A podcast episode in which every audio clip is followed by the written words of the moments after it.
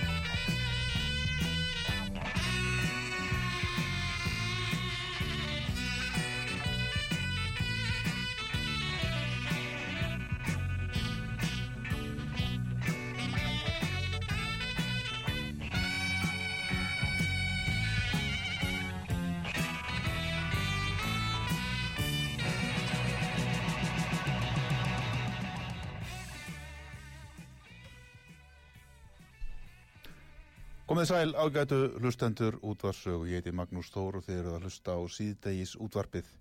Þetta var lægið Money með Pink Floyd og uh, til mín eru komnir tveir fullrúar reyndar í fjarlaga nefnd þingsins, Björn Levi Gunnarsson, þingmaður Pírata og Viljálmur Árnarsson, þingmaður Sjálfstæðarflónsins. Verið velkomnir. Góðan dag. Góðan daginn, takk fyrir. Þið komið beintnaðan úr þingi, Jú, Já, það komum búið að vera fjör þar í dag. Já, já, það verður að vera fjör í þinginu. maður. Ha, hann að vera leiðilegt. Já. Hafið þið tekið þátt í Já, já. umröðunum? Já, já. Já, ég er ekki búinn að fara í ræðistólinn í dag, sko.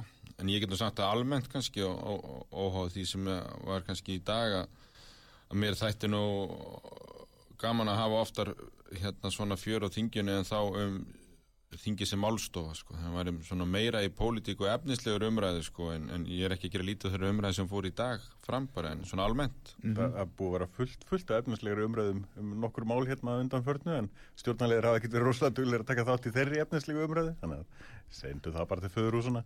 Já, já. En þetta mál málana í dag núna, þessi bankasala, Já, hvað segja píratar? það er svo margt sem að bara ringir öllum viðvörunabjöllum. Mm -hmm. Bæði í fyrri hluta sölunar og nú í setni hluta sölunar og, og nú var bara nýlega að koma frétt að hérna, nefndamæður í, í rannsókn nefnd alþingi sem um, sem sagt, eh, sem að rannsakaði fallbankana sko, ein, ein, af, ein af þeim, Sigurður. Bensen telur þetta bara að hafa verið brot á, á lögum og vil að, að hluta kaupana sér eftir Já, og það er svo margt í þessu sem að er sko verið svo augljóslega ekki vera rétt að málum staðið. Að, að maður svona klóra sér aldrei í hausnum yfir sko réttlætingar herrferðinni sem er í gangi og, og, og það að fullirðingum um að það hefur verið gríðarlega vel að þessu staði því að það er bara augljóst að það var ekki. Það er svo rosalega augljóst þannig að maður, maður klóra sér aldrei í hausnum. Vilhelmur Ordansson, hvað segir þú við því? Já, sko, þetta er graf alvarlegt þegar við erum með hérna svona stóra eign ríkisins að það séu upp í spurningar og sé ekki traust til ferðlisins og, og, og ég til það eitt að mikilvægast bara eftir bankarhunnið og þetta er grunnir á sárin, þannig að við verðum að hafa hérna fullt traust til svona ferðlis og það er nú kannski það, svona, það augljósasta sem að hefur klikkað þetta söluferðli að, einmitt, að það er að, að, að tryggja það að bara við séum öll nógu upplýst en við séum áttum okkur á því hvort að þetta sé, er fullt gagsægi og var rétt að þessu staði ekki og við þurfum að bara fá svör við því og við hérna höfum alltaf okkur, líst okkur reyðibúndi þess. Eins og þetta leit út í aðránda sölunar að þá hérna var það einmitt eins og Björn Lífi bendir á sem við höfum að tala að þá er þetta kynnt okkur á þinginu og það er talað um að það sé hérna hvernig á að gera þetta og það, hver eru markmiðin, hver eru hérna, og það sé fara eftir þessum lögum og það er þessi armsleint og það eru þessi ráðgjafar sem er leggja til til þess að ná, eitthvað til þess að ná þessum markmiðum og eitthvað svo leiðis og svo hérna fer salan fram. Þá vakna einhverja spurningar og, og, og ef að tekst ekki nógu vel að svara því þá þurfum við bara að kanna það frekar, hvort að, hvort að þetta var ekki alveg örglega allt rétt. Og við höfum samþýtt það í fjárlega nefndinni eins og Björn Levi þekkir vel að, að senda bankasýslinu frekar í spurningar og skefti minnisblöðum, við fengiðum til okkur í nefndina til þess að geta spurtu, við fengiðum í nefndina áður en útbúið fóða fram til þess að spurja um hvernig ferlið færi fram. Þannig að ég hérna vona bara að þessar spurningar okkar svari því að var ekki öruglega staði að ferlinu eins og var sagt fyrir ferlið En hvernig líst þér á þetta? Hvað, hvað, hvað, þú hlýtur að hafa myndaðar einhverja skoðun uh, á þessu bara eftir þar upplýsingar sem hafa verið að koma fram bara núna síðasta sólarhengin, heitna jafnvel. Uh, finnst þér eitthvað að hafa farið þarna úrskýðis? Eða er eitthvað þarna sem ringir einhverjum bjöllum hjá þér? Uh, enn sem komið er hérna hef ég ekki séð eitthvað sem er svona augljóst að sé ekki miða við þau markmið og, og því sem að var stemt og, og mér finnst ekki alltaf fara saman hljóðamynd, jú. Það eru margir sem að tala um það að vera hægt að fá að hérna herri hluti í bankanum eða herra fyrir hlutin í bankanum. Og það var alltaf vita fyrirfram að það var hægt að hámarka verðið en þá hefðu við gengið á annað markmið um það að hafa eignarhaldið sem dreifðast og, og hafa það líka þannig að það væri þá fjárfestar sem myndu vilja vera lengur inn í bankanum og styðja bankan til uppbyggingar og svo stígur fram og svo er einn gaggrinni núna er hvað það eru margir sem að voru leikandur í bankarhuninu sem að keiftu Mm -hmm. og þá segja, herðu, ok, við viljum hafa almanna reglur, við viljum ekki velja út. Og þá er ekkert að skamma okkur fyrir að hafa ekki valið út. En þá kemur það hitt að það er þessi gaggrinni, hvað eru margir sem að hérna voru í bankarhuninu sem keiftu þá vísum mjög lítinn hlut í heilda virði bankans. Ok, látum það líka millir hluta. En þá kemur gaggrunni hinnáttinni að eitt sá aðela sem að hérna er svolítið starri heldur en þessir aðelar í bankanum og fekk hvað mest afskrifað hérna kringum bankarhunnið að hann er að kvart yfir því að veri ekki selt á fullu verði til lífriðsjóðana og þá væntilega sín. Mhm. og það var einmitt það sem var eitt af markmöðunum að hafa lífriðsjóðan ekki ofstóra að þeir eru óvirkir eigundur og eiga líka mikið öðrum bankastofnunum hér á landi og vera þá ekki að fá skamtíma fjárfesta inn og svona stærri hérna, leikendur þannig að, þannig að, að, að þetta svolítið talar gegn hvort öðru sko. þannig að þessi heldamynd einhvern veginn að meða þær upplýsingar og sör sem við hefum fengið frá bankasýslinni og það sem ég hef séð í ofinbjör umræðu að þá virðist þetta bara vera almenn leið sem að er farin við skvar meða við samanburð á sölu í Arjónbanka og sölu öðrum löndum, þá lítið það vel út eitthvað svona. En ég neita því ekki alveg að það eru spurningar og veist, ef ég hef mátt velja sjálfur að þá hef ég kannski haft kaupendahópin öðruðsi en þá ertu bara farin að handpika og það er það sem við viljum forðast, við viljum bara hafa almenna reglur þannig að það sé nú ekki veist, hver allar að velja hvort það sé allir undir hvort það sé 50 miljónir og yfir sem er tekið eða 100 miljónir yfir. Og ég vil líka benda það að þeir sem kefti yfir 100 miljónir, þeir skráðu sig kannski fyrir 500 hlutum, hlutum en fyrir 500 miljónir Mm. en þeir fengu bara að kaupa fyrir 100 og, veist, og það er kannski það sem við þurfum þá þessi, þessi endalegu svör það er eina mati sem fór fram eftir að við sleftum þessu frá alþingi og ráðanetinu er það hvernig hlutinu voru ákvarðari, skertir og annað slíkt og, og þá voru ráðgjafar, bankasýslunar og svo endalega bankasýslan sem tekur ákvarðunum það miða við þessi markmið, að fá þetta dreifðar eignahald að fjárfestum sem við vilja vera lengi en samt að reyna hámarka virði eins og hægt væri Björn Levi. Já, það er ansi margt í þessu sem að er, er maður þarf að klóra sér hausnum yfir. Eh, til að byrja með er vissulega markmið um að ná dreifði eignarhaldi og þess vegna var farið í þetta frumútbóð þar sem að raunni öllum var búið að vera með. Mm og maður myndi halda að svona markmiðum um dreift eignarhald hefði verið náð þar. Önnur leið til þess að, að selja er svo kvöldlega miðlunarleið. Að þá er svona gefið út á, bara á næstu mánuðum þá er smá saman verið að mjalla út bara á, á opnu markaði. Og hver sem er getur keift í rauninni. Og svo er þessi þriðja leið sem er tilbúðslið Mhm. þá er rauninni farið og, og verið að finna ákveðina eigendur í rauninni í bankanum framtíðar eigendur og það var alltaf í öllu ferlinu þá er að tala um hæfa sem sagt, uh, fjárfesta sem að samkvæmt lögum þýða ákveð ekkert rosalega mikið í rauninni en samlega því var sagt líklega lífyrirsjóðunir það var að tala um þannig stærðargráðu Mhm. af sem sagt, fjárfestum Já.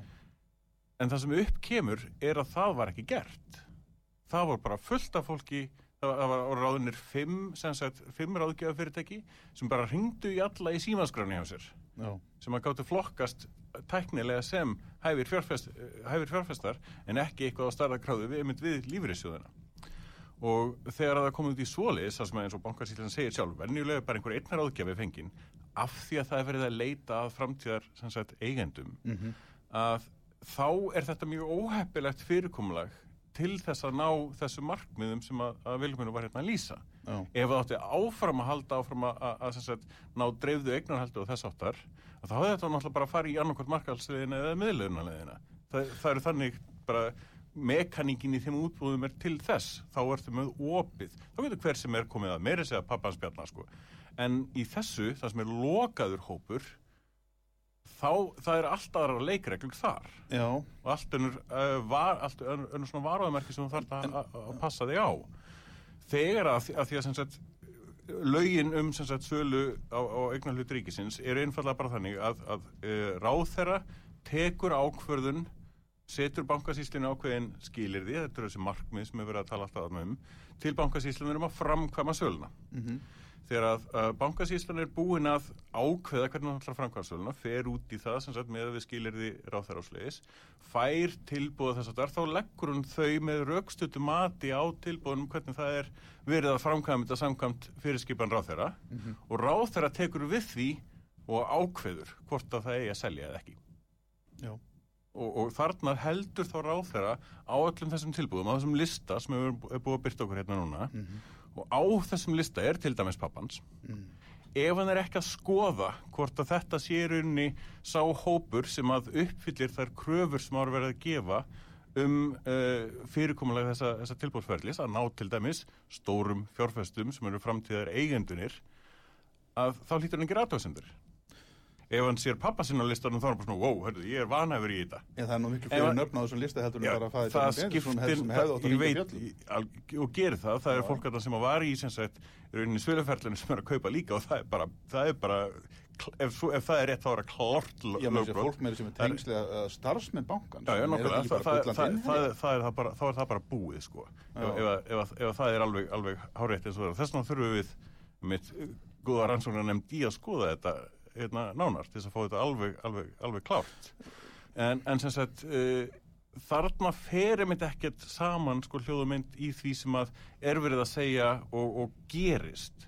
Og þetta var rosalega skýrt í sem sagt uh, máli bankasýslunar þegar hún kom til fjárlæðanemdar að þau komu að rosa sér hérna eftir fyrra til dæmis. Þetta var, þetta var rosalega vel að verki staðið og við borguðum hérna ráðgjöfunum okkar auka þóknun og alls konar skemmtileg, skemmtilegt fyrir það að selja á, á 60% undir rauninni markaðsverði. Og ég spyr þessari bankasýsluna aftur og aftur og aftur bara í litteratúrnum, bara þú veist almennt séð hverjar eru væntingar þeirra sem eru að selja og þeirra sem, þeirra sem eru að kaupa í svona útbúði eins og var fyrst? Hver eru bara því, þetta verður gert hundruðum, þetta verður gert þúsundu sinna, mm. oft, oft farið í svona útbúð og svarið sem við höfum fengið frá öðrum umsagnaráðulum á að fara í þetta var að það væri svona 5% 10% hækkun kannski mestalegi á uh, eftir sölu það væri ásættalegt fyrir alla. En þarna er bankasýslan að koma eftir að hafa að gefa ráðgjöfum sínum hérna, auka þóknun og erum komin upp næstu 2 miljardar hérna, í fyrra, fyrra, fyrra sölunni. 2 miljardar í þóknanir? 700 miljónar í setni 700 í setni já, og, það er 1,7 hverjir er að fá alla þessa peninga? já, allavega. Ráðgjafar. Hérna, þetta er svakalega fjár þetta er rosalega fjár þetta er 1,42% held ég að hverju í rauninu sölu sem er, að taka þarna. Sem er rosalegt fyrir það er rauninu stunda bara símaversvinnu það var það sem ég gerði sem viðist á að er fram á einu kvöldi? á einu kvöldi mitt þetta, það er aldrei góð er þetta bara eitthvað höldufólk út í bæ? Nei, nei, þetta eru ráðgjafa fyrirtæki sem eru alveg skráð Já, og eru getum, með getum við fengið nöfnin á þeim? alveg bókað má sko, þeir tölduðu eitthvað upp þessi nöfn sem þessi fyrirtæki sko sem þeir Nei, ég er að tala um nöfnin á einstaklingunum. Það er engin einstaklingur að fá þetta. Nei, nei, en það eru, það eru, það eru starfsmenninir sem eru En svo hluta af þessu er náttúrulega bara vist, þjónustana því að, að talandi með útbóða þessa frænkand að Ansklára því að sagt, þarna koma þeir með eftir á sagt, sala þar sem að uh, verðið jógst um 60% eftir söluna og allir sem að er að selja húsið sitt á veist, 100 miljónir eitthvað og daginn eftir ég sel, sel mér húsið þitt á, á 100 miljónir daginn eftir selur þú það á 160 miljónir mm -hmm. og ég er bara svona djö, ég hefði getað fengið 60 miljónum möggalega hérna já, já. ég, ég verð ver svektur yfir því að mhm. sjálfsögðu mm -hmm. Uh, ef þú hefur selgt á 105 ok, þú veist, þú náðu einhverju góðum dílu, allt í lagi. En, en það, er, það er viðminn og ég spyr þannig að bankasöluna aftur og aftur og aftur hver eru almenna viðminn að lokum hostaðir upp úr sér 5% alveg nákvæmlega eins og aðrir umsöknar aðeins sögðu. Þrátt fyrir það eru þeir að segja að þessi, þessi sala hafi verið vel hæknuð sem er bara helber lí ekkert annað. Já, sko, fyrstum þessar aðgjaf ég veit ekki nákvæmlega, veist hvernig þessir þessar 700 miljónir er fundar út hvort það sé eitthvað hlutfall eða hvort það sé með að vinnuframlega en ég ætla þá bara að benda á það. Við erum að tala hér um að ef, ef að, að þeir hljóta líka að bera einhverja ábyrg sko, og það lítur að, að vera ráðgjafi í svona stórri sölu og, og, og, og með svona mikla fjármunni þá, þá hlítur þú að bera einhverja ábyrg þannig að ef að eitthvað hefur farið mis ef þeir hafa hérna verið mistekist eitthvað eða fari broti lög eða eins og er verið að saka um eitthvað þá ljóta nú þess að 700 miljónir að hverfa fljótt sko hjá þeim. Þannig að ég ætla bara að fá að nefna það að þetta er ekki bara reyn laun fyrir að ringja einhver síntöl sko að það er eitthvað meira á bakvið þetta sem ég tekki ekki til hlítar. Og það er margt og það er mjög oft sem að maður heyrir umræðinni að vera að lýsa sölu og banka og hluti með banka bara eins og selja bíl eða hús.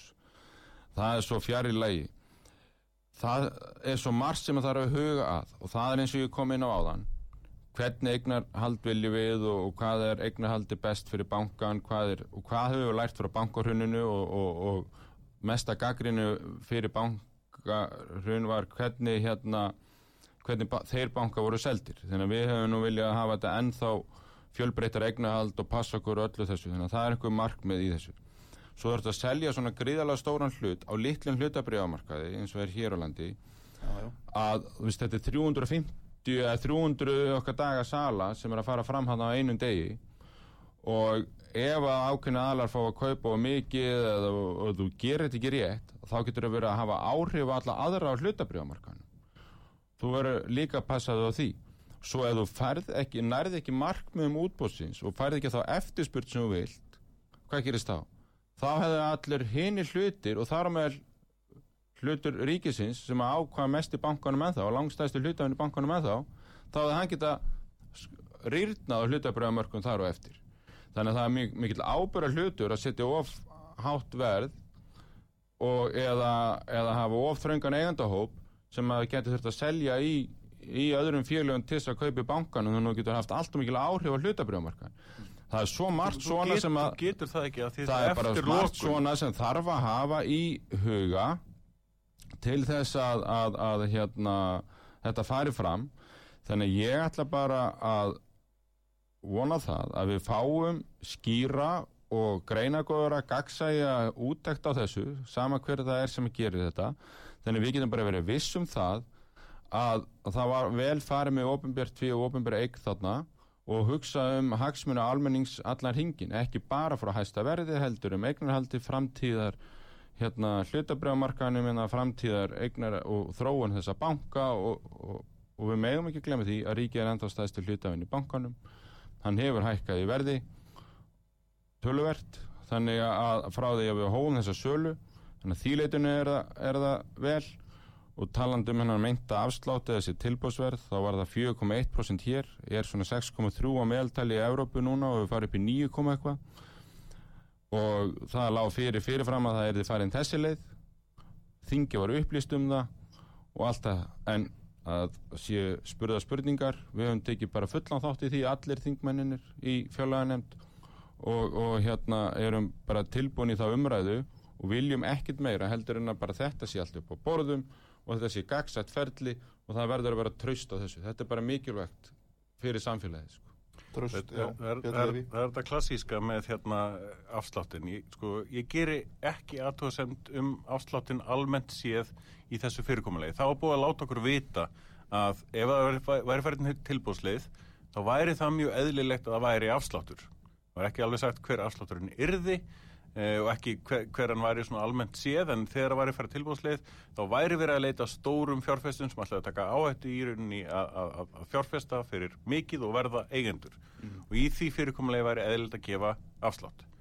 Uh, eh, aðtóðasendanir um afsláttin eru fyrir þessa sem er að kaupa fyrir nokkra miljónir sem að geta alveg keift bara á eftirmarkaði þeir þurftu engan afslátt Nei. ekki neitt, sérstaklega ekki þegar verið að skerða þá sem að voru að bjóða stóran hlut og vildu kaupa meira að, að, að hlutur þeirra sem skertu til þess að fá einn fleiri litla á afslætti það er vanda, vandin með, með afsláttin og þessi litlu sem þú segir sem eru þú að kaupa fyrir verulega fjárhæðir í augum vennilegs fólks já, já.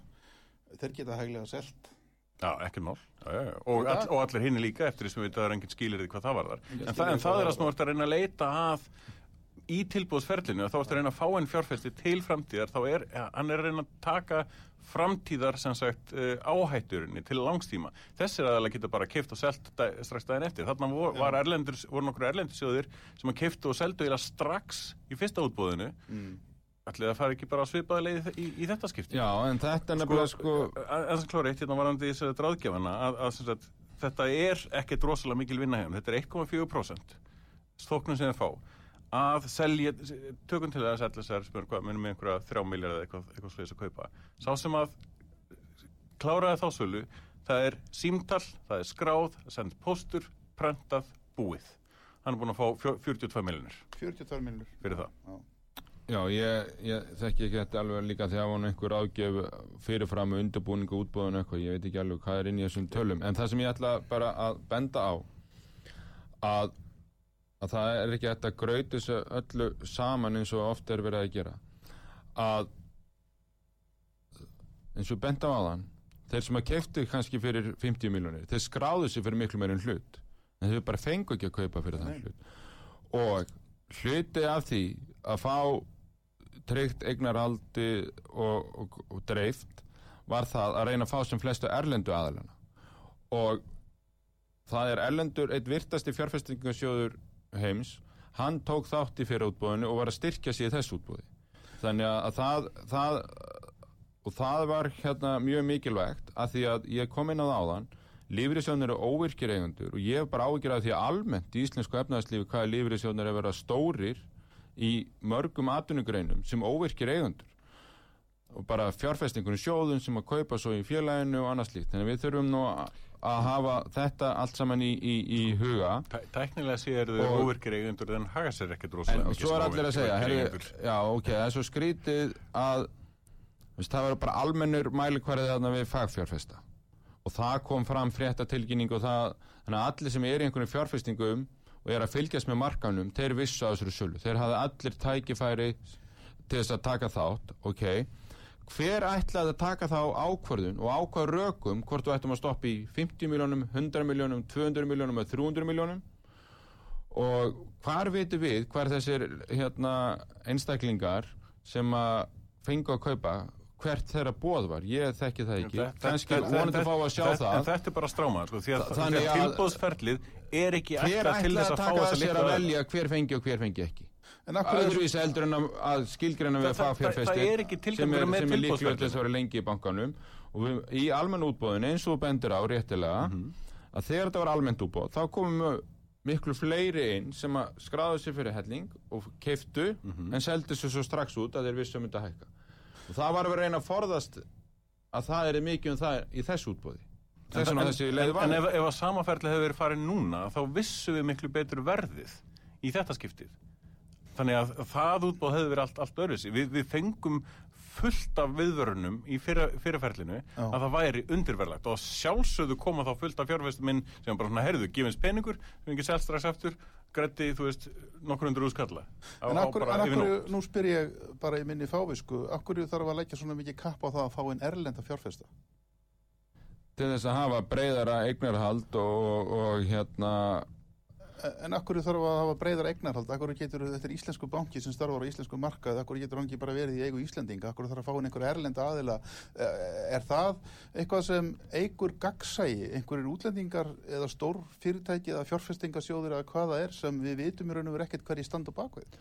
Já, það er út af því að það, eins og sem marg oft komið fram í þessar umræðu er það að einu stóru aðilarnir sem að getur það verið kjölfestu fjárfestir hér á landi er þá lífeyrissjóður sem Já. er þá líka stóri eigendur í Arjónbanka og eins og ég marg oft sagt hérna að þeir eru óvirkir eigendur og, og, og hérna og það væri bara ekki gott ef við værim komið með tvo af böngunum í meirlut eigu lífeyrissjóða sem eru óvirkir eigendur það er bara ekki gott eignarhald á svona stóru Ég, ég fjármálafyrirtæk veit ekki, sko, þetta er banki sem er í eigu ríkisins og eigu okkar allra. Nú lífeyrissjóðin eru líka í eigu almennara borgara, ef svo má segja. Þetta eru náttúrulega bara peningandi sem eiga að fara í að borga fólki lífeyri. Uh, akkur var ekki hægt að fara þessa leið sem þú nefndir, hvað kallar það, millileið, miðlunarleið miðlunarleið.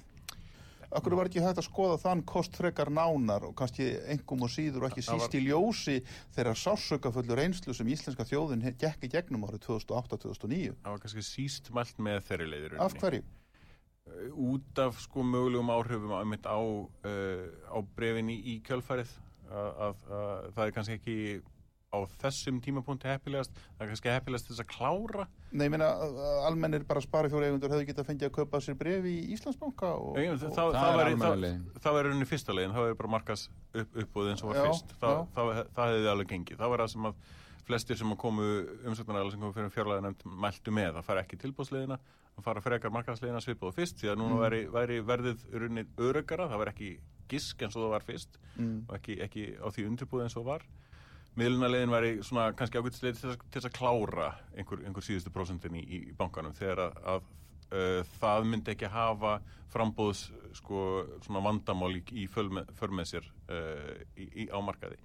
En, en svona almennt séð að, að fá erlenda aðela er, er, er, er gældari spurning við erum í mínus svona viðskiptarlega séð hvað, hvað kaup og, og, og, og sölu varðar Ertu að meina að þetta sé leið til að reyna að rétta viðsýtafallan eða eitthvað leis? já, við erum Það er það. En, en þetta er náttúrulega líka bara hluti af, af stóri umræðu sem við þekkjum nú vel hér á landi að við er eignarhaldið í bankanum er takmörku auðlind Já, Ef maður orðar það þannig. Já, já. og auðvitað væri nú bara óðurlegt ef annað ef að, ef að, að væri ekki umdeilt um það hverju nákvæmlega fengi að kaupa og hverju ekki og, og en þetta er þekkjum við fiskveiðstjórnarkerfinu þetta þekkjum við ferðahjónustunni núna og þetta við núna í orkuöfluninni og, veist, og, og það er bara hérna við þurfum bara að vera tilbúin að taka þessa umræðu og þá skipta það svolítið markmiðin og ástæðan fyrir því svolítið máli og hvernig náum við þeim best Já, ef við viljum skoða heildar samingið aðeins í þessu, þá, þá er það mjög áhugavert.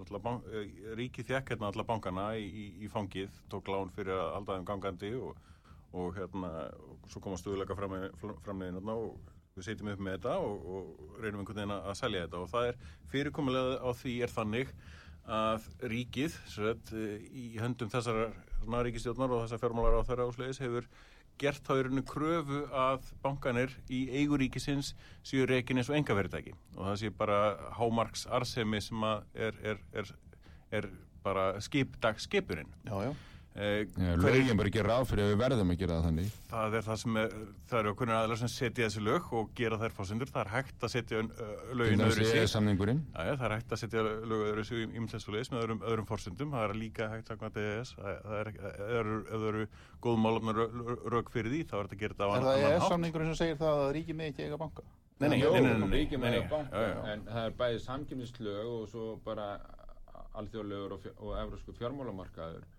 að þá megu ekki verið með ríkistunning eða vist í En akkur er lág svona mikið á að gera þetta? Þetta er alveg mikilvægt sko, það má ekki alveg rétt, það má ekki verið með ríkistunning en ákverðun um það á hvaða fórsendabankin er reikin, það er, það er önnur, önnur ákverðun, það er, má alveg reika nefnitt á ekkit á svo rosalega hagnaðilegum sjónamiðum og, og bara hafa það, það er ekkit brot á neinum, neinu eða snótið en neitt slíku, svo lengi sem það er ekki með, meðgjöfurinn Uh, þarna hins vegar er búið að ákveða það að reyka bankan eins og enga fyrirtæki og hámarka arðsemina. Mm. Það þýðir það að viðskiptverðin bankans, almenni neytindur, almenningur á landinu, er að borga fyrir það að hann verði verðmættari. Það er ekki flókið, flókið mm. við það.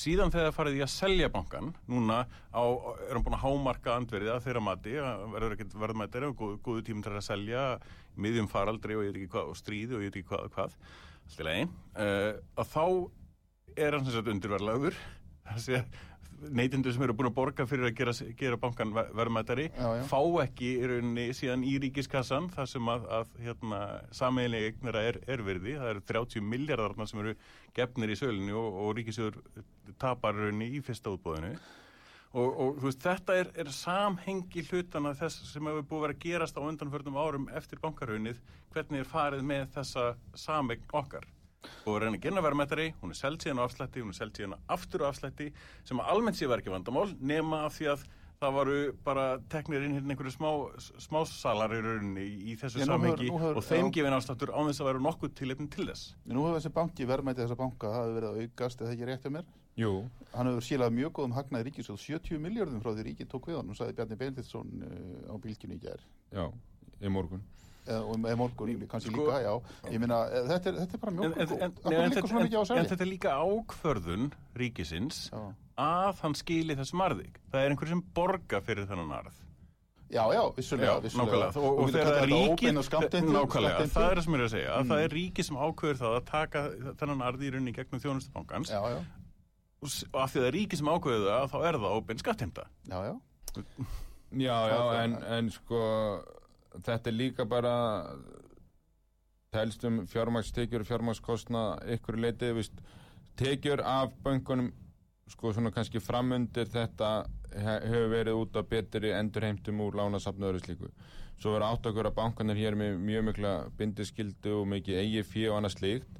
Þannig að það er þá sem ríkisjóður, eh, bara almenningu sem eigandi bankansíkinu og ríkisjóðs og þá er það bara einhver þessi arður einhvern veginn ávöxtun á peningunum og ef við lösum um eignarhaldi eins og erum að gera núna og, og það lækkar þá skuldalhull ríkisins og, og, eigur landsæfismat þannig að þannig að staðan fyrir að vera að fá arð út úr bankunum og þá erum við bara að spara vakstakjöld annar staðar. Þannig að víst, það er ekki eins og við séum hætta að þessi eitt sé, sé eitthvað hætta að vinna fyrir almenning þó við seljum að það bara arðurinn kemur þá staðan fyrir að koma í gegnum argreðslir þá kemur bara í læri fjármáskostna ríkisins. En, en hvort er herra? Við fengum alltaf svöru því svo er það... því þetta er fjárfesting sem við erum með vissulega mm -hmm. þetta er sem er ríkisfið sem er bundið þarna í við getum tekið þá og hægt að fá arðsemina af þeirri fjárfestingu og sett þetta í eitthvað annað, í til dæmis að borgarna skuldur og fá það vaxtagildar á móti, er það, uh, fáið meir úr því eða ekki? Ég veit það ekki. Já, það er erfitt ekki að reikna Fengjum ekki það. svöru því, ef við ætlum að setja þessa fjárfestingu í eitthvað annað, sundabraut eða einhver, einhver önnur verkefni eða eitthvað svo leiðis, er arðsemin meir úr því heldur en, heldur en því að eiga bankan? Þetta er, sem ég á miklu meiri. Þú veist, ég er að segja það, þetta, þetta er spurningin sem við þurfum að svara, en Já. fer þetta þangað? Það er síðan alltaf mál, þegar, þegar það var síminu að seldur hérna í gamla daga, þá hvarf sá peningur bara. Já, já, hann En hann hvarf ekki, við skulum aðdöða það að við vorum þá með miklu minni skuldir ríkisjóðs eða bankurinn komum þannig að ríkisjóð var betri til þess að bregðast við því. Nummer eitt og nummer tvö að þegar þið keiri um landi núna að, að, að þið hafi þó eitthvað farsíma samband það mánu þakka því mikið. Að maður líka segja sko að, að hluti af ástöðinu fyrir því að það var svona slemt bankarun hérna var hvernig að þessu var staðið. Þannig að ríkið hefði kannski ekki þurft að hafa mikið bólmang til þess að glíma við bankarunnið ef Þetta- ef þetta hefði verið gert almennilega. Þetta eru skemmtilega pælingar. Að gaman að þessu Herrar mínir, við verðum að taka auðlýsingalja Við bara verðum að gera það. Já, það gerist. Ekki málið, Koma þetta aftur er alltaf ganga. Já,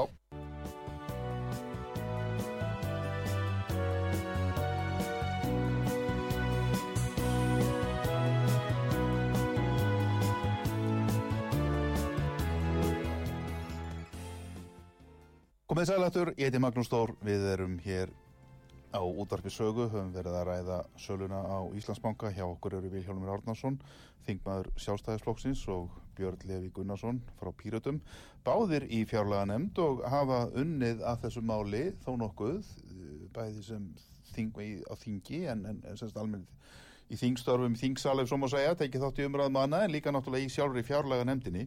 Nú, mér langaði aðeins til að spyrja ykkur áður en við svona yfirgefum þetta mál. Um, nú er þetta síðasti starfstæðu þingsins fyrir páskafrí í dag. Já, Uh, hvað verður um þetta mál? Uh, sko, málið er þá þannig að við hefum samþygt spurningalista eða minnisblað í fjárlaganemnd Já, sem að öll fjárlaganemnd stendur saman að og við munum hérna vonandi fá svör leiðu við komum páskaleifi vera komin með svör úr, úr, úr því minnisbladi og við munum fara yfir það og, og, og gera það ofinbert hver svörin eru. Uh, fjármálaráður hefur óska eftir að ríkisendurskoðun hérna fari yfir málið og, og ríkisendurskoðun getur vantilega gert það líka bara sjálfstætt út frá frungvæðisatugun, ég efast ekki um það. Og svo er til umræðu þinginu hvort það eigi að stopna rannsóknunemnd og kannski þá aðalega Vistu, það er enginn tala gegn því en það er kannski umræðan í dag var svo hvort að hún ætti að koma strax eða hvort það ætti að leifa, leifa ríkisendurskoðan en, ríkisendurskoðan að klára sína vinnu og svo tekur einhver aðsvon nefnd við eða hvað það er sko. það er bara eitthvað sem við þurfum að, koma staðan nýra á, á þingi en ég held að aðalatrið sé bara næstu skref að við fáum bara uh, faglegt mat yfir það hvernig þetta tókst og ef eitthvað hefur mátt fara betur, víst, þá verður að upplýsa um það og við verðum þá að taka ákvörðun út frá því hvernig við tökum á, á, á því sko hversu alvar, alvarlegar þeir misbrestir voru og ekki ég held að það sé bara þannig og, og svo vonandi getum við bara í framaldi farið að ræða þær hugmyndir sem við í sjálfstaflunum hefum lagt lengi áherslu á að, að almenningu fái hérna hlutabref í bankanum sko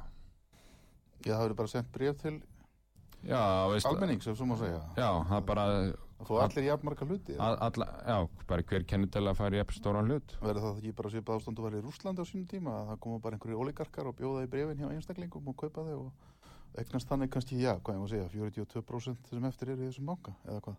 Björn, Já, það fyrir eftir að við gefum stóran hlut Það þarf að taka það umræðu faglega það er eitt sem er búið að bætast allavega í sem sagt, svona regluverkinu síðan um leið og einhver fer upp í 10% eignar hlut þá Já. þarf fjármála eftirlitið að, að gera ítarlega uh, skoðun á því hvort þessi hæfir eigendur eða ekki til þess að eiga stó, stóran hlut. Þannig að það er allavega, allavega jákvætt. Hérna eh, hvað það var þar hérna, það er samt að, að okkar mati hérna fljótlegasta leiðin til þess að fá allar upplýsingar í málinu niðurstöðu í þær raunni að það sé rannsóknarnefnd. Hún Já, hefur meiri heimildir til þess að skoða málið frá öllum hliðum heldur en til dæmis er ekki að senda skoðun uh, þar er, er svona ákvarðanir ráðþæra til dæmis kannski síður inni það er eitthvað sem að er, á vettfangi þingsins að ákveða og þá höfum við þessar þetta tól sem er rannsóknarnefnd alþingis til að nota einmitt gagmar því. Þannig að ef að það væri eitthvað svo leiðis að ríkisendurskoðun væri að fara á stað og eitthvað, eitthvað þýðinlít, þá væri það ekkit annað en lengri ferill. Væri það lengri ferill að ríkisendurskoðun? Það væri tvímalust lengri ferill að ríkisendurskoðun og geti gert það samhliða og, samhliða sko, en eða veri, þú veist, ríkisendurskoðun fyrst og svo rannsókn nefndum önnur atriði sem eru utan þess sem að ríkisendurskoðun skoðar, þá er það bara einfallega lengri ferill. Mm -hmm klassísk svona kæ, kælingar áhrif á hvað það var þar. Þannig að skilvirkasta leiðin til þess að fá svör sem fyrst frá öllum um allt ferliðurinni frá öllum sjónaróðum væri rannsóknar nefnd. Nú verður þetta að vera þurfa teitt mál allavega með að við svona viðbröðin á alþingi og uh, jafnvel út í samfélaginu, ég held að það sé bóða mótmálafundur á Austrúvella morgun. Heyrið það, já. Og þetta góða viður helsta, þá náttúrulega viðrar vel til mótmála. Egið þið vonað því að þetta mál muni halda áfram að uh, hvað er maður að segja, matla eða, eða muni þetta bara svona sopna hægt og rólega við páskana? Já, ég vænti þess bara að, að máli verður í umræð þannig að fólk hafi bara fengið svör og fengið, veist að það bara verði gagsætt og fái upplýst um allt hafi verið með feldu þannig við... Skiljiði þessi viðbröð, minna, finnst ykkur skiljiði þessi viðbröð þjá fólki eins og þegar það sér þennan lista og sér að þarna eru til dæmis já, eins og ég heyrði bara í útarsréttum rétt árið fórum hér inn í stúdíu eða núna í hátteginu að þá er verið að tala um þannig í þingi að hér eru bara gamlu, góðu, útrásar vikingarnir mættir á nýja leik. Það eru karinuna sem komið upp á hattinum. Hvað, hvað finnst þér í alveg um hennar lista? Ég já, já ég, veist, ég segi bara að það að, að eins og ég saði áðan að það er bara mikilvægt að, og það, þess var nú bankasýslan stopnuð eitthvað til að reyna að búa til einhverja arbsleita við pólitíkusinu sem ekki að fara að handvelja einhverja einhver staðar. En ég segi það bara að ef ég hef fengið að hafa eitthvað með listan að segja þá myndi hann alls ekki líta svona út. Og, og ég bara til að svara spurningunni beint varðandi hérna hvort að við séum eitthvað hissaði hvernig fólk bregst við, nei bara alls ekki. Það er bara Það er grünt að sáránum frá því að við lendum hér í bankarhunni og því skiptir treysti miklu máli.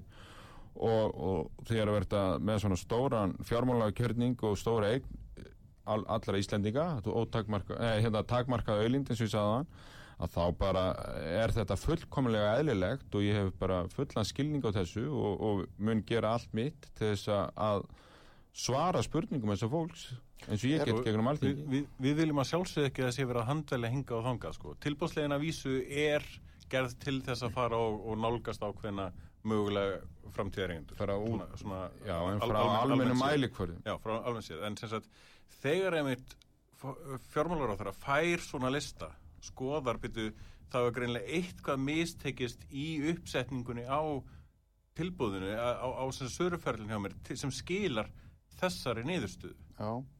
alveg rétt leið þá er að segja, herðu nei, þetta var greinlega eitthvað, eitthvað af uh, uppsetningunni hjá mér já. hendi þessu um klukkan og skipuleg það upp á nýtt án þess að það sé rauninni kannski verið að, að hand upp setja það að skila réttir í niðurstöðu skiluru heldur að pappan sé ekki á listanum. Já, eða, eða, li, eða liv og heilsa Já. sé á listanum. Við erum, við erum með að liv og heilsa þess að þú ferður að kaupir parkótín er, er, er, er að fara í, að kaupa banka sko, fjármálaráðar er fjekk nú bara listan núna hvað, í fyrra dag eitthvað byrtan strax. Já, en það segir byrtan strax, en einu upplýsingarnar sem að viðstu um það hvort að útbáðu að hefnast eða ekki er ekki endilega hvað kennitölur er hvað var það margir hérna svona fagfjárfestar, hvað margir svona fagfjárfestar, ellendir, óvirkir, uh, kjölfestu og allt það. Þannig að hópurinn sem er búið að segja, eru það 30% lífrisjóðir, 15% ellendir, hérna, fjárfestingasjóðir, 10 eitthvað, ég man ekki öll þessi prósent sko, það er svona grúpurnar Já, en, er það en, en, en er verið að brjóta Er það að segja að það hafi verið listin? Nei, það er eigandalistin sem sýnir það hvort að mark með útbóðsins hafi verið náðið ekki sko. Já, en það er ekki, það er ekki verið að aðtúa svona grundatratriði sem, sem, sem að brjóta eh, uh, heilbriði svona lista hvort að þarna séu innherjar hvort að séu þarna, þú veist politically exposed persons sem hefur verið að lög sem við erum að setja. Andresingi var að lýsa því þegar að móður hans var að, að stopna bankareikning. Það var alveg heljararna vesen, það virði þess að vera miklu meira vesen heldur en fyrir einmitt aðra slíka mannesku að, að kaupa, kaupa hlutabröði í bankanum heldur en að opna bankareikning Nei, sko, að þú ferð ekki inn sem fagfjárfestir nema að vera búin að fara gegnum vist ferli, einhver ferli samkvæmt lögum. Þannig að það er bara, það er bara lög um sig og það var ekkert verið að breyta því ferli. Sko. Það ferli hefur alltaf verið til og þannig að ef þú er skráð sem fagfjárfest þá bara uppfyllir einhverja kröfu sem að liggja fyrir almenningi og þar stendur ekkert hvort þú megir vera tegndur lifa heilsu eða ekki sko. Nei, en, en minni, í, í, í okkar samfélagi og við lifum nú í litlu samfélagi þar sem nálaðin milli manna er oft mikil og allt það ég minna, og, og, og menn með umtalslega verða reynslu í stjórnmálum eins og fjármálar á þeirra sem var nú á þingi í rauninu til dæmis og, og, og, og hefur upplifað þetta allt saman með þjóðinni eh, eh, hefðu menn ekki einmitt átt að átta sig á því strax að hér er því í fyrsta legi að fara mjög valega og hér er því í fyrsta legi að velta við hverjum steini og í þriða legi að reyna að passa upp á það að lenda ekki einmitt í þeirri stöðu sem fjármálaráður er komin í núna, hann er komin í mjög erfiða stöðu. Já, en þá skulum við hafa... Það eru marg, mjög margar erfiða spurningar sem brenna á honum. Já, já, og, og, og, og hann hefur hérna, það eru ma- margar erfiða spurninga og því hérna hósa hann og hann hefur bara verið til tals, hann er búin að vera hér í öllum hjölmjölum og mæti þingið og allt og er tilbúin að svara þessum spurningum öllum og, er búin að byggja ríkisendur að hjálpa sér að svara þeim líka. En, en það sem að hérna málið er það að hann er nú líka búin að upplýsa það við tali í dag að hann hérna bað sína nánustu fjölskyldu fyrir almenn útbúið að taka ekki þátt og Það var í fyrra skiptið. Já, og hann taldi bara að, það, að þeir myndi skilja það áfram núna.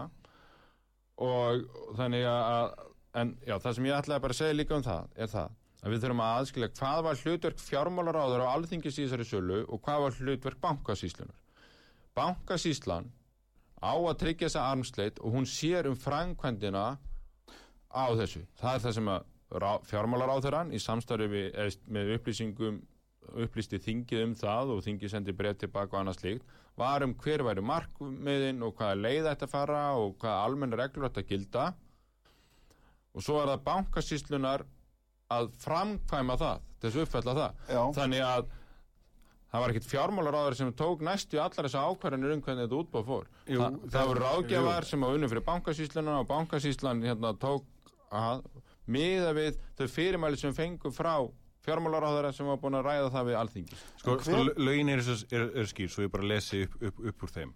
Bara þegar ákvörðun er tekin um undirbúning og framkvæmt sölu með ferðar eignarhluta skal áherslu lögð á opið söluferni, gagsægi, hlutlegni og hagkvæmni og með hagkvæmni er átt við að leita sér hæsta verðs eða markaðsverð fyrir eignarhluti. Þetta er, þetta er rosalega skri, eh, skýrt og bankasísla ríkisins skal annast sölu meðferð eignarhluta fyrir hönd ríkisins í samræmi við ákvörðun ráðherra. Mm. Mikilvægt, þarna er ákvörðun það varðar Sem bankasýslan heyrir undir á hverjum tíma. já, og, og, og ráþeira er að taka þarna ákveðna ákvörðun Akkurat. sem að bankasýslan síðan starfar eftir, framkvæmir, alveg rétt eh, og getur klúðrað alveg tímanalust og ég held að í þessu tilviki á hann tímanalust klúðraði eh, og, og gerir það, gerir það gerir síður kannski eh, aðtuga sendum það að, að, að, að leiðbynningar hafa endilega verið rángar, ég held að það eru verið frekar lélegar af þessu, en, en ekkert endilega rángar, en sagt, það er að segja ekki rétt varðið eftir þeim. Eh, síðan hins vegar, þegar að bankasýslan er búinn að klára eh, þetta ferli samkvæmt ákvörðun ráþeira, að þegar að tilbóð í eignanhlut liggja fyrir skal bankasýsla ríkisins skila ráþeira rökstuttu mati á þeim. Mm Ok. Ráþeira tekur ákvörðun um hvort tilbúð skuli samþygt eða þeim hafnað.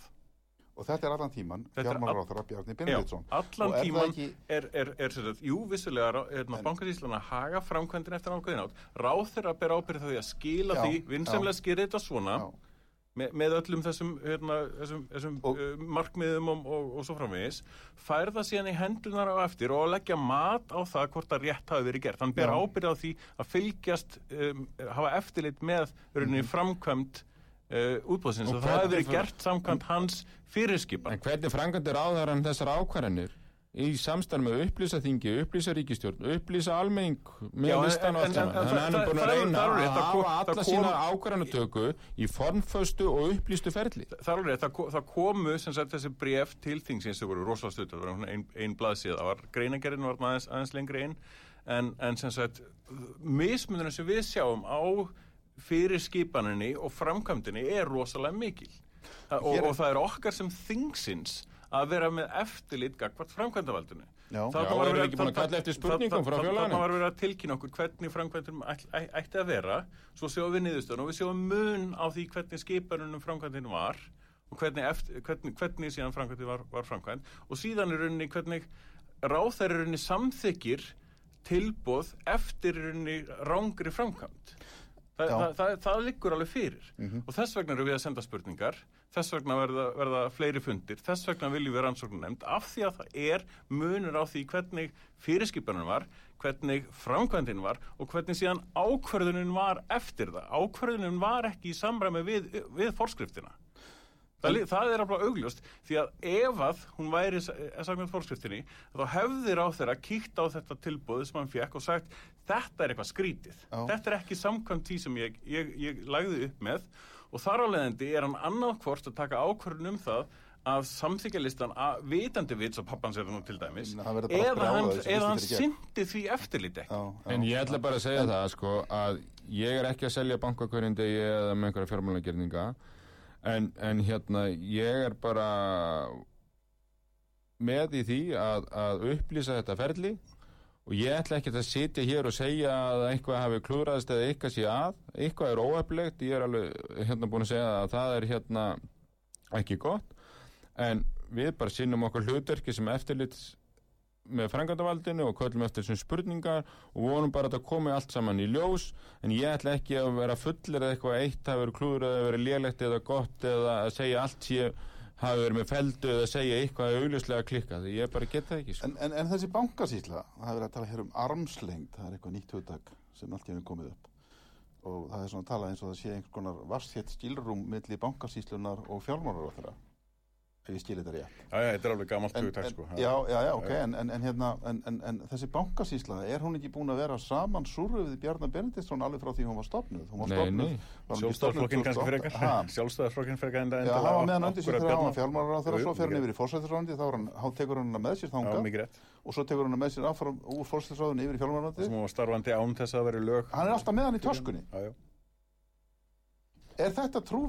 Var að vera er. Er þetta? Er þetta, er þetta, ekki á litla og Íslandi þetta er, sko. og þetta er stofnun sem var stofnuð, var hann ekki sett að fót 2008?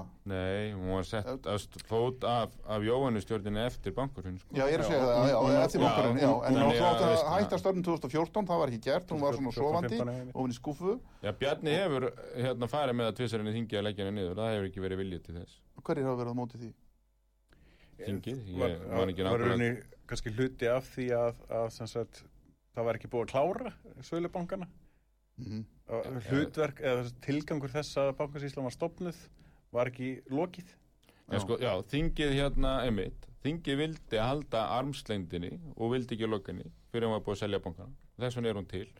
Þannig að, veist að, En, en, það, en En það er ekki, ekki svolítið gæðstimpill á því að það sko. haldist að, að, að, að þó að sé sagt að sé armslengd að því er ekki endilega að að, það sé raunin en, en þetta er til, Nei. tilraun allavega til en, en þess svo er þetta líka alltaf spurning, sko, að því að viljum við hafa þessa armsleiti ekki, eða þá er ég að tala um almenningur, að því að við að þeir vera of spiltir til þess að hérna, vera að sýsla með þetta, hérna bankana og þess vegna vera að setja svona armslengd en svo þegar bankarnir gera eitthvað af sér eða eitthvað ekki rétt þá eigum við að stíga inn í og, og bregðast við sko.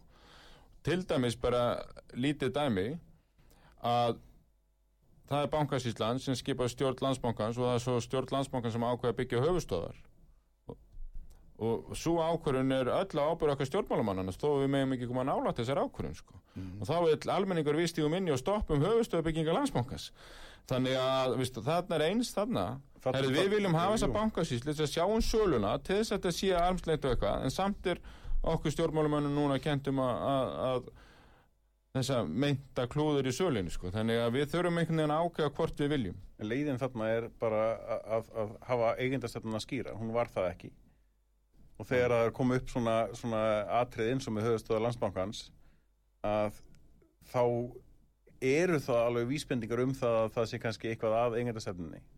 Því að, að er Já, af hverju byggur þeir þá getið eigandastefninu sem byggur til bankasýsluna það, það, það er það sem gerist ofta þegar það er verið að setja upp hérna e, svona leiðarvísa að það er ekki fyrir en dæmin koma upp sem sína manni að það sé eitthvað sem þarf að betrum bæta og það er það sem ég lendir rosalega oft í að, að, að hérna, þegar það kemur eitthvað upp að þá heyrir maður syngt og uh, heilagt einhvern veginn að það má, má nú ekki, veist, skipta sér á svona einstaka málum fyrir ekki þau, jú, því að það er alltaf einstaka mál sem sína okkur hvað er almennt séð að.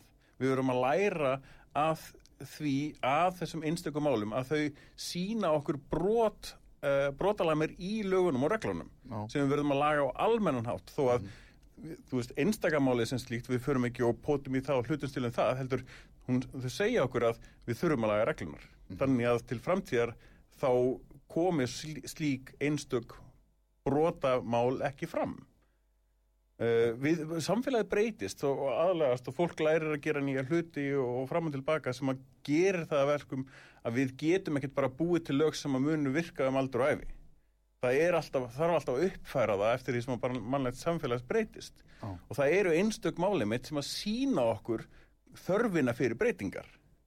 Þess vegna þurfum við að hlusta á það. Og þegar að kemur upp einhver mál eins og til dæmis hver á að byggja höfustöðar og hversu stórar og fyrir hversu mikið og svo framvegis landsbankan sem er í eigu ríkisins að þá þarf einhver að klóra sér í haustum og segja "Heyrðu, þetta er greinlega ekki alveg að- virka.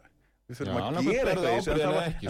ekkert þetta var líka ábyrgða leysi, það var ekkert gert var bara, ó, herðu, þetta er, reglunar eru bara svona, við ætlum bara, við varum armslengd og við Já, ætlum það er ekki, búið að segja að við eigum ekki að skipta okkur á bankanum. Þá skulum við bara ekki skipta okkur En á maður bankanum. skipti sér af honum í gegnum einmitt svona almennar Nú, eigum við að hafa áhrif á það sem var sett til þess að við myndum ekki hafa áhrif það þýr ekki að tala alltaf um ringibjöllir Þetta er ekki er annarkvæmt ekki viltu að ekki. Er ekki ekki ráða og þá þurfum við bara að virða það. Og þá þegar, og, og þegar það koma gallar megum við ekkert gera í því auðvitað ræðum við það hvort þá breytur bara lögunum en ekki þessu einstaka atriði. Það var það sem ég var að segja. Já, Bjarni er búin að leggja til að breyta lögunum og þið vildu það ekki. Við fylgdum það ekki, Ég ekki hvað er að Þú verður um. að vera sanga með sjálfum þér.